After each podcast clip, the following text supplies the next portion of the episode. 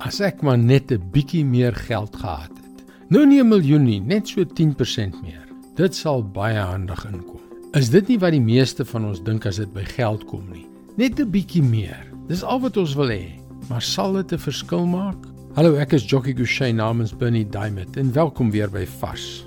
Ons verstaan dat alle mense op die aarde nie ewe ryk is nie. Daar is 'n spektrum van baie ryk tot baie arm mense.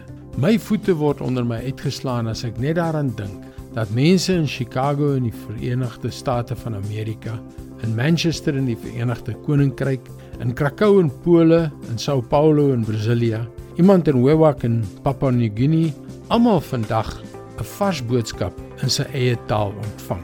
Dit veroorsaak nogal 'n tamaletjie. Wat sê ek oor geld sonder om op iemand se tone te trap?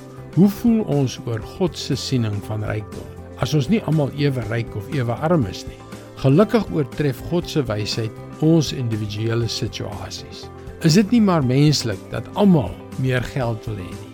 Dan is dit ook nie snaaks dat sommige mense bykans enige iets sal doen om dit te kry nie. Maak nie saak of hulle ryk of arm is nie. Maar kom ons kyk wat sê Psalm 62 vers 11. Moenie op geweld vertrou nie. Roof sal jou niks in die sak bring nie. As jou rykdom toeneem, Moenie dat dit jou te na aan die hart lê nie. Meer geld is nie die antwoord op enige iemand se ellende nie. Miskien het jy genoeg, miskien het jy nie, maar ek het al mense gesien wat alles het wat hulle hart kan begeer.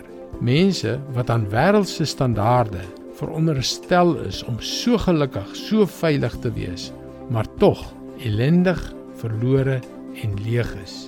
Dit is wat gebeur as rykdom ons lewe regeer. In dieselfde Psalm skryf koning Dawid ook in vers 6 en 7: Net by God vind ek rus, want op Hom vertrou ek.